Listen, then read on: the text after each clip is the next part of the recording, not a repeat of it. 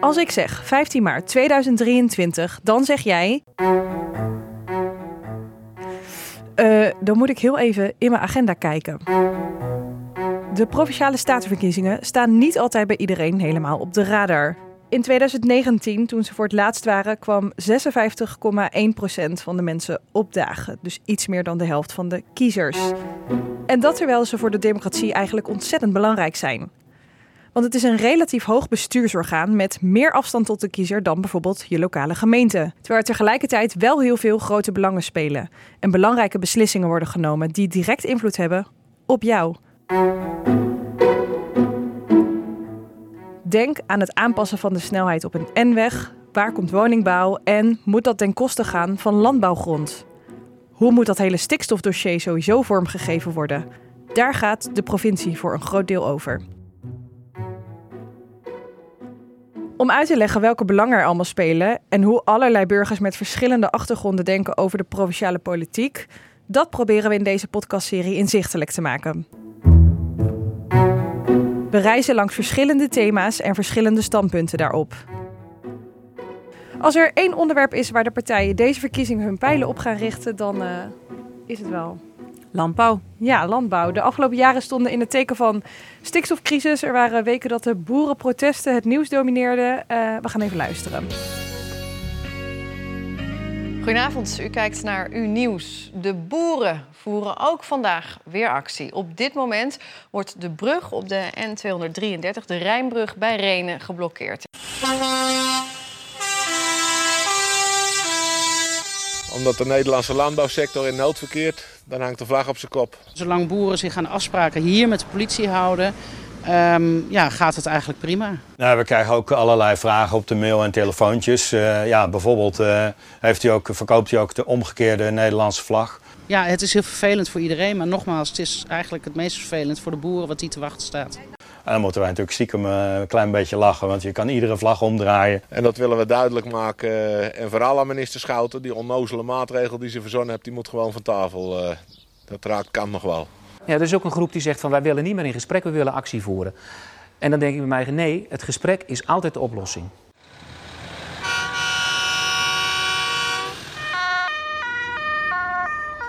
Naast me zit verslaggever Ulrike Nagel. Ulrike, uh, aan jou was het de dankbare taak om voor deze verkiezingen in het thema landbouw te duiken. dat lijkt me niet gemakkelijk. Dat is zeker niet makkelijk, want dan moet je eigenlijk 60 jaar uh, terug in de tijd om het allemaal op te rakelen. Dat heb ik dan niet gedaan, dat is iets te lang. Nee. Want 60 jaar in de tijd, want toen vond de overheid iets en, en de maatregelen. Nou, sinds na de oorlog is er al een speciaal beleid ingezet. En de afgelopen 20 jaar of 25 jaar wordt eigenlijk al gesproken over stikstof en hoe dat te reduceren. Dus die discussie is al heel lang aan de gang en er is heel lang niets gebeurd. En nu lijkt het toch echt zo alsof politici er iets mee moeten. En we kunnen er niet meer onderuit. Ja. Maar het is wel ingewikkeld. En dan gaan we, we hebben het natuurlijk over de provinciale statenverkiezingen. En die hebben dan ook een heel belangrijke taak gekregen. Want in Den Haag hebben ze nu gezegd: hmm, weet je wat? We laten de provincies het lekker uitzoeken. Precies. dus de provincie moet nu komen met, het heet heel chic, een gebiedsaanpak. Um, in principe komt het erop neer dat de provincie om tafel moet met de boeren en eigenlijk in hun eigen provincie. Dat idee is zo gek nog niet. Echt lokaal te kijken met welke boer kunnen we wat bereiken. Dus eigenlijk met de boeren gaan kijken, zitten ze in de buurt van een natuurgebied, Natura 2000 bijvoorbeeld. Dan heb je ook te maken met EU-regels. Dus uh, dat is heel lastig voor de provincie. En per boer echt te gaan kijken, eh, hoeveel vee heb jij? Moet je misschien halveren? Moet je minder vee hebben? Of zelfs met een zak geld uh, naar de boeren stappen en zeggen... we gaan jou uitkopen, want jij zit zo dicht op een natuurgebied... dat kunnen we niet meer hebben, kunnen we ons niet veroorloven. Want de natuur gaat achteruit door een teveel aan stikstof. Waterkwaliteit gaat achteruit.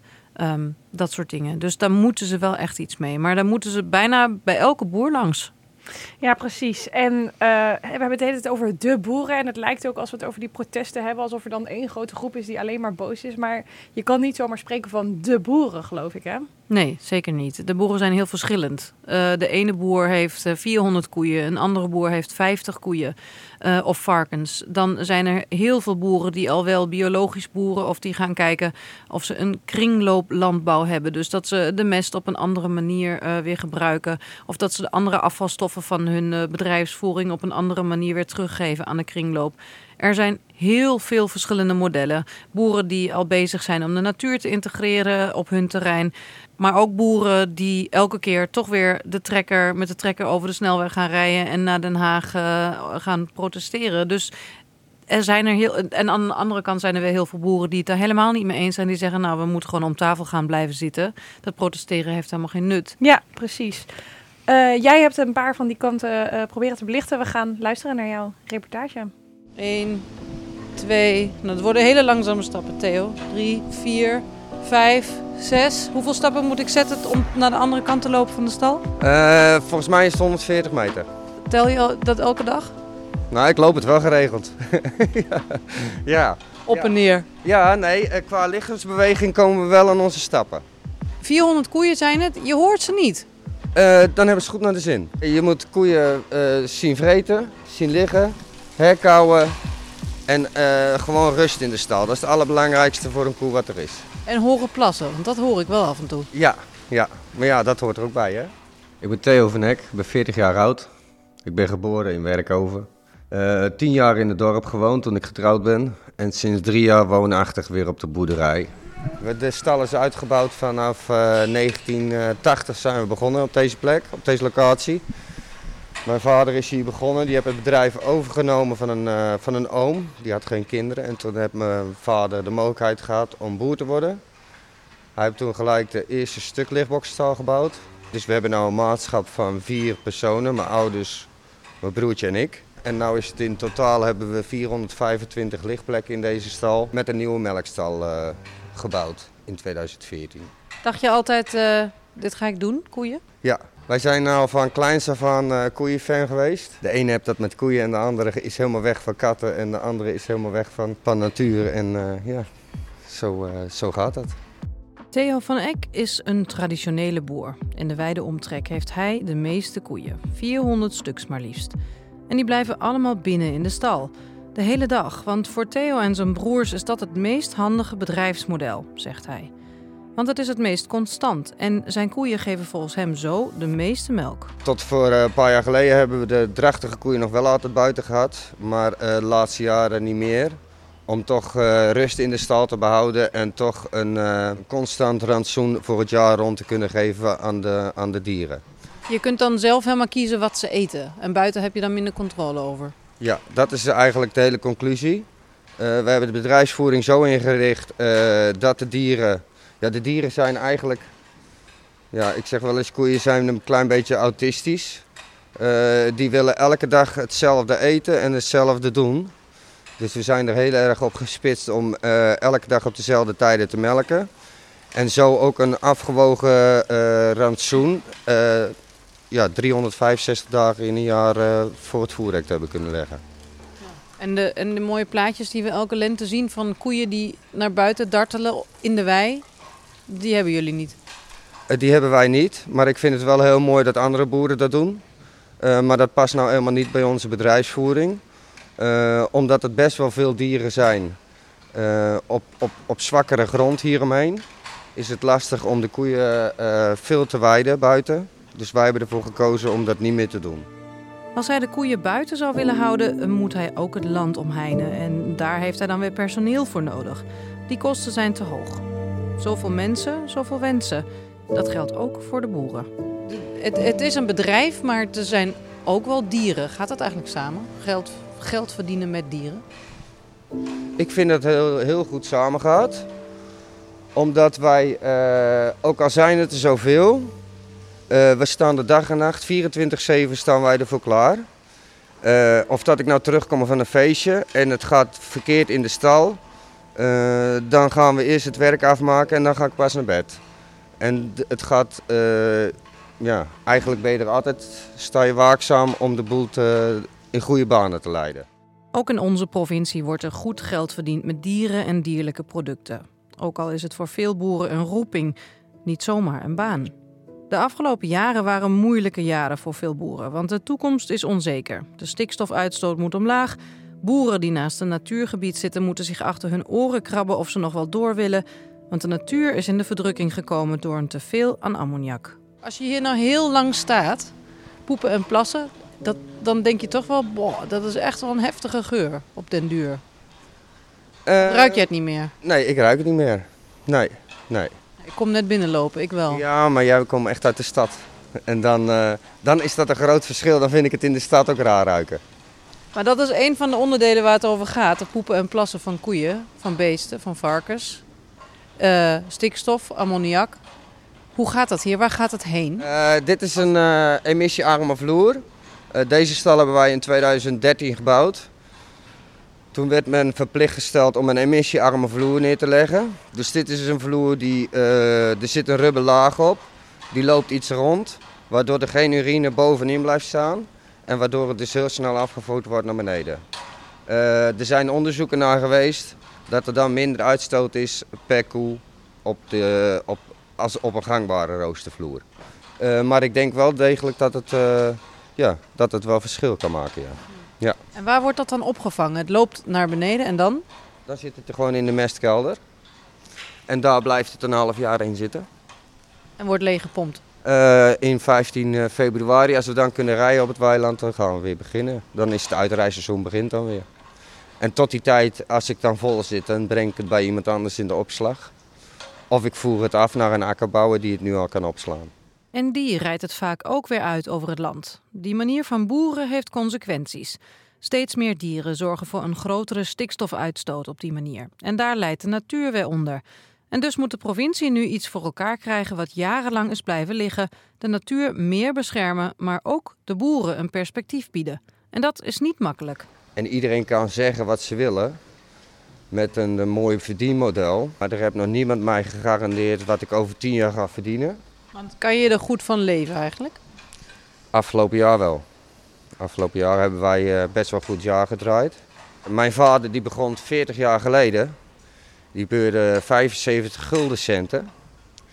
En wij beurden twee jaar, twee jaar geleden 31 eurocent. Ik kan niemand in Nederland aanwijzen die al 40 jaar voor hetzelfde geld werkt. Of voor minder. Dus moet je het van de omvang hebben.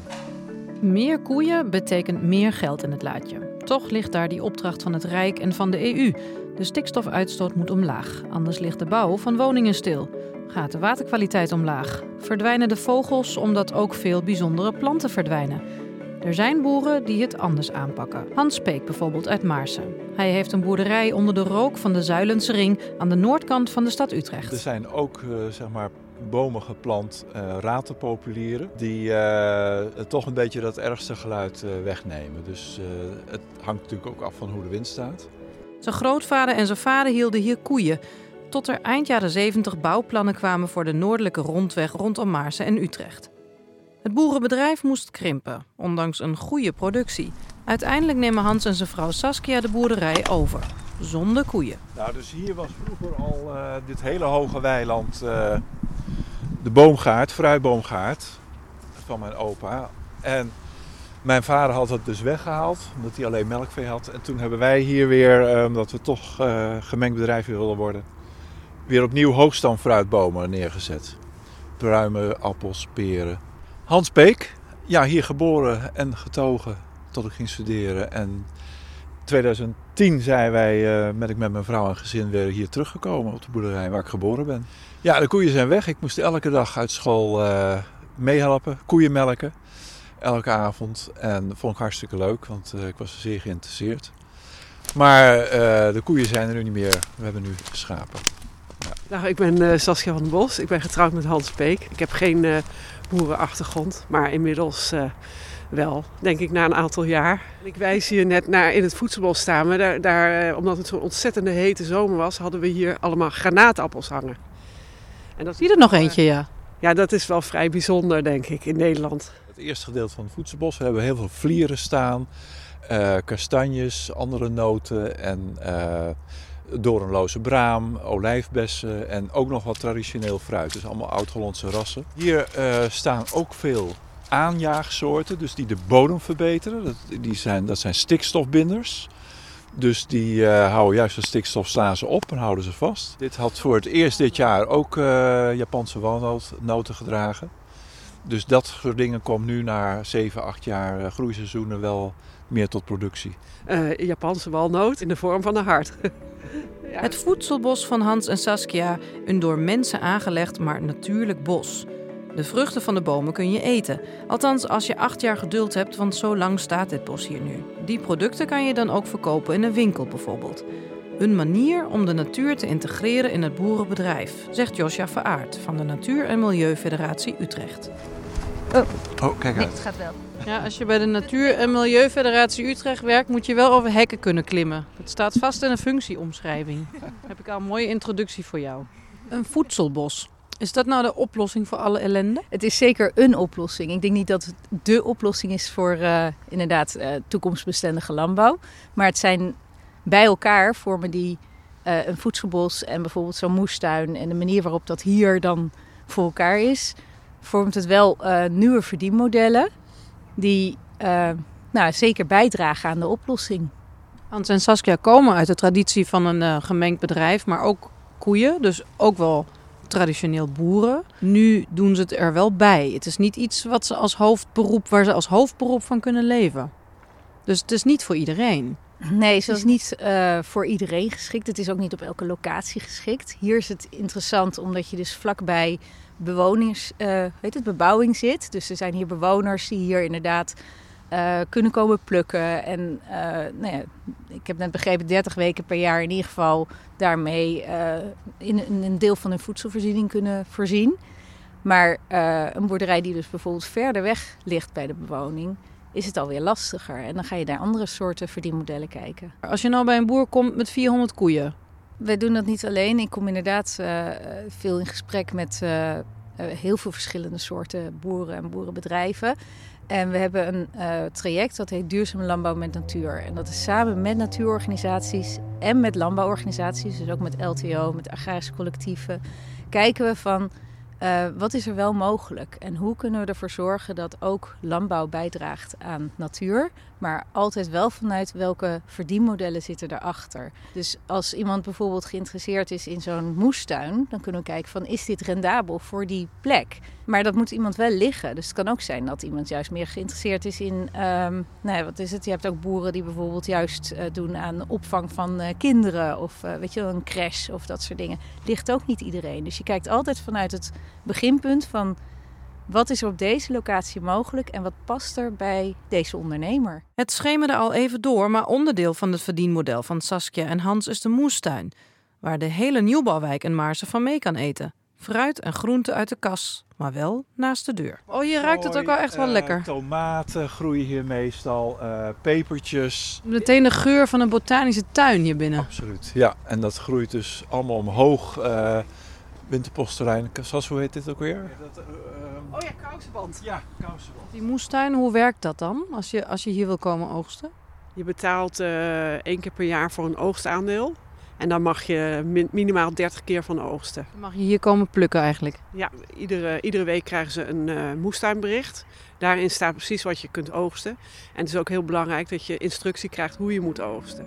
Boer is boer zou je kunnen denken, maar nee. Theo en Hans kan je niet met elkaar vergelijken. Hans heeft 8 hectare land, Theo 125. Hans is eigenlijk advocaat en de moestuin en het voedselbos doet hij er een beetje bij. Voor een echt bedrijfsmodel is er meer nodig. En we willen dus in de oude stallen, de bedrijfs, oude bedrijfsgebouwen, een uh, cultuurpodium uh, maken. Maar dat is er nog niet. En dat is er nog niet omdat het afhankelijk is van de herbestemming en vergunningen daarvoor. Dus dat is een traject wat bij de gemeente loopt. Zoals andere boeren een bed and breakfast beginnen, ja. willen jullie graag een soort cultuurpodium. Ja, klopt. Met horeca en een uh, lunchterras, een vergaderzaal. Ja, klopt. Rijst ook de vraag bij Theo of de 400 koeien op termijn het beste bedrijfsmodel zijn. Je wilt ermee doorgaan, mag je er ook mee doorgaan? Of ja. is, komt hier iemand aan de deur die zegt: uh, Theo, de helft moet weg? Want dit is, dat is wel een beetje aan de hand nu, hè? Wij hebben in 2012 een, een natuurbeschermingswet vergunning gekregen. Uh, dat is eigenlijk, ja, de, de meest veilige, veilige vergunning nog op dit moment. Maar door de eh, hele onzekere toekomst van de melkveehouderij komen wij ook in de problemen. En doordat die zo onzeker is, als wij wat willen investeren ehm, en we gaan met eh, eh, financiële mensen in gesprek, met banken of andere partijen, is er bijna geen partij die, die mee wil gaan met een investering. Omdat eh, de toekomst veel te onzeker is voor de melkveehouderij. Dus je kan ook helemaal niks. Niemand weet eh, hoe de sector er over tien jaar uitziet. Dus men durft er eigenlijk geen geld in te steken. Dat is wat het probleem is. Maar dan kan jij ook niet vernieuwen dus. Nee, nee. De landbouwsector en de banken. Decennia lang is bijvoorbeeld de Rabobank dé bank van de boeren. Innovaties zoals een emissiearme vloer, maar ook de kosten voor alle machines op een boerenbedrijf lopen in de tienduizenden euro's. En dat betaalt een boer zelden uit zijn eigen portemonnee. Vanwege alle stikstofproblemen kunnen boeren nu niet zomaar meer uitbreiden. Maar hoe komen ze dan aan geld voor innovaties om toch te kunnen groeien? En hoe gaat de bank daarmee om? Ik leg de vraag voor aan de Rabobank per mail. Goedemorgen. Voor een podcast in de aanloop naar de provinciale verkiezingen ben ik bezig met het thema landbouw. Nou, gerelateerd aan de stikstofcrisis spreek ik met boeren over hoe hun bedrijf in het verleden werd gefinancierd en hoe dat in de toekomst nog zou kunnen. De Rabobank stuurt een mail met de mededeling dat ze niet in de gelegenheid zijn om mee te werken aan deze podcast. Ze zitten op dit moment aan tafel met het ministerie van Landbouw, Natuur en Voedselkwaliteit en laten mediaoptredens even aan hen voorbij gaan. Oké, geen antwoord op deze vrij eenvoudige vragen helaas. Maar de bank neemt dus deel aan de gesprekken, want ook zij moet hierover nadenken. Ik ben eh, Frank Verhoeven, ik ben eh, eigenaar van het adviesbureau Boerenverstand.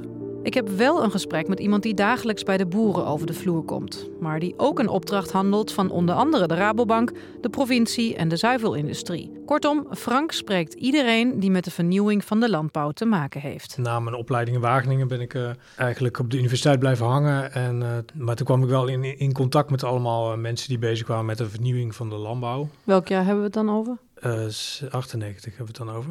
Maar we zijn dus al 25 jaar lang bezig met hetzelfde onderwerp wat betreft landbouw. Eh, ja, toen ik dus op de universiteit rondliep, daar heb ik een tijd gewerkt ook. Toen eh, ging het ook al over eh, gebiedsgerichte aanpak. Het ging over, eh, ja, eigenlijk ook over dus em- ammoniakemissies, over mest aanwenden, minder mest aanwenden, over minder dieren. Eh, dus heel veel van die onderwerpen die zijn eh, nooit weg geweest. Ja, en wij hebben vaak vanuit NGO's hebben we een hele sterke klimaatfocus. En eh, morgen gaat het weer over stikstof en overmorgen gaat het over dierenwelzijn. Maar bij die boer komt het allemaal samen en die moet daar dan één duurzaamheidsverhaal van maken. Nou, dat is eigenlijk waar Boerenverstand, ons adviesbureau, zich altijd op heeft gericht. Op dat integrale aanpakken. Zodat al die dingen met elkaar samen meer worden. En dan is ook nog onze filosofie dat dat uiteindelijk ook geld kan opleveren voor een boer. Want als je beter voor je bodem bent, eh, beter eh, gebruik maakt van je eigen resources, van je eigen mest, van je eigen voer, voer wat je teelt. Eh, je koeien niet op de top voert, maar juist wat, eh, wat op het, eh, zeg maar op het ehm, optimale niveau. Dat je gewoon met veel minder kosten uiteindelijk ook veel efficiënter kunt produceren. En dus gaat hij samen met zijn collega's langs om verschillende bedrijfsmodellen met de boeren te bespreken. Want of ze willen of niet, ze moeten over hun aandeel hierin nadenken. Theo en Hans gingen welwillend in op de vraag of we hen voor deze podcast konden interviewen.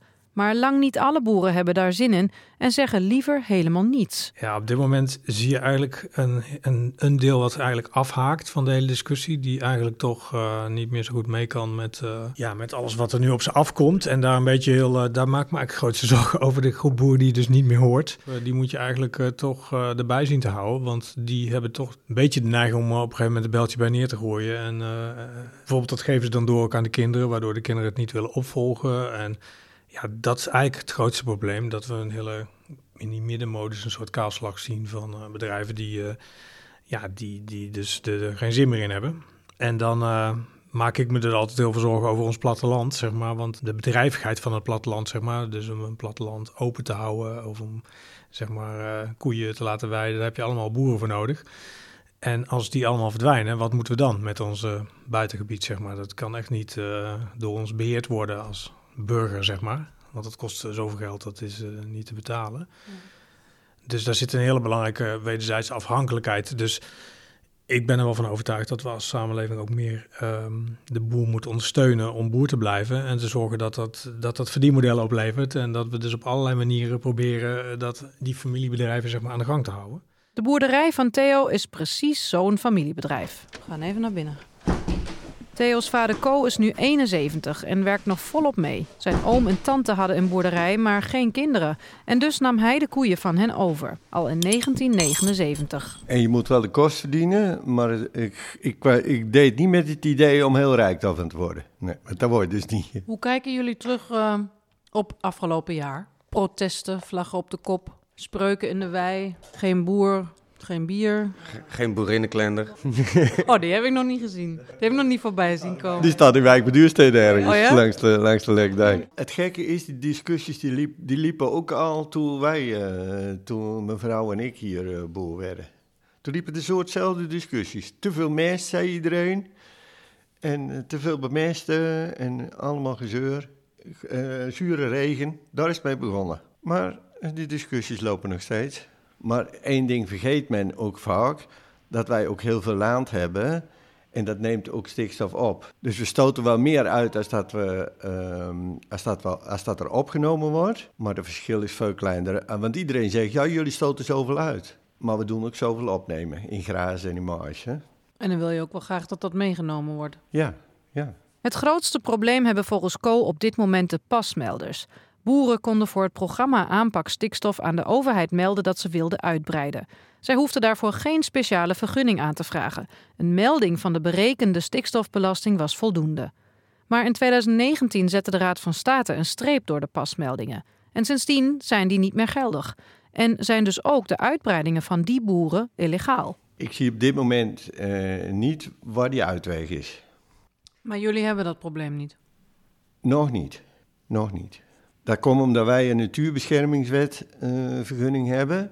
Uh, dat is gewoon een milieuvergunning. Zoveel dieren mag je houden, zoveel uitstoot mogen die hebben. Theo, hou je die natuurbeschermingsvergunning altijd? Of kan je die ook kwijtraken? Ja, die kun je kwijtraken. Die kun je kwijtraken als je een andere vergunning aan zou gaan vragen. Dan is het beleid zo in Nederland dat ze eerst je oude vergunning intrekken en dan gaan ze kijken of dat ze je een nieuwe vergunning geven. Eerder hoorden we al dat meer boeren op zoek zijn naar alternatieven, een extra poot om op te staan. Boer Hans Peek is bezig met de vergunning voor een cultuurpodium in Maarsen. Maar ook boer Theo heeft al nagedacht over mogelijkheden om te innoveren. Vijf jaar geleden hebben wij een plan gemaakt. Ik heb een masterclass gedaan en uh, in contact gekomen met verschillende mensen en met verschillende ideeën.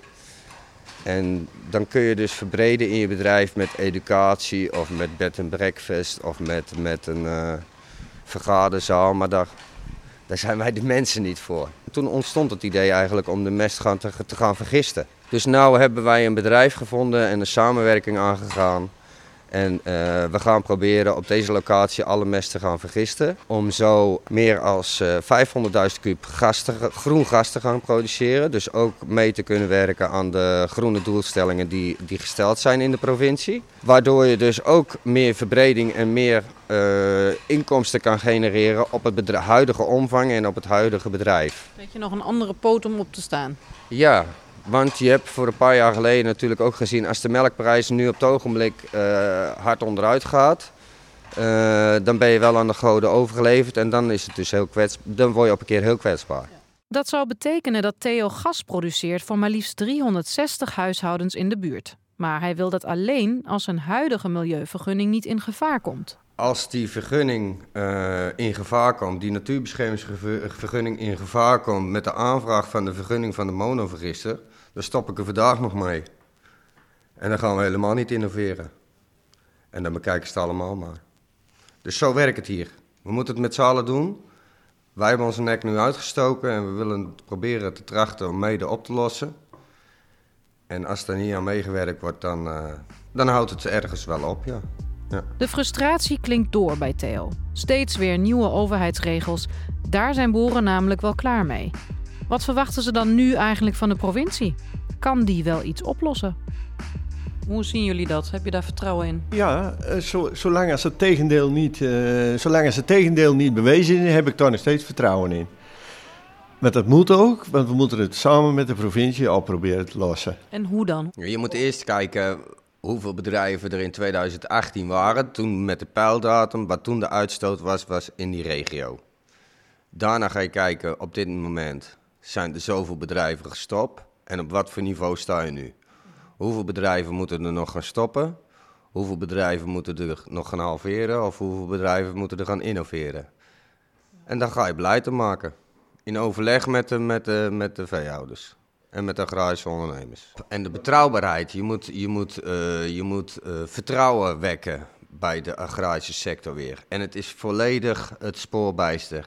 Of dat het nou op landelijk niveau is of op provinciaal niveau. Het vertrouwen richting de agrarische sector van, uh, van ambtenarij.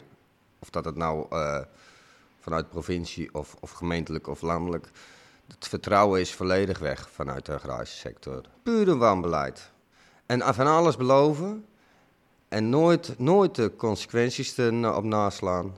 En elke keer het beleid bijschaven, waardoor het nog strenger wordt en nog moeilijker. En het is ook nog nooit zo laag geweest, hè? de maatschappelijk vertrouwen richting de overheid.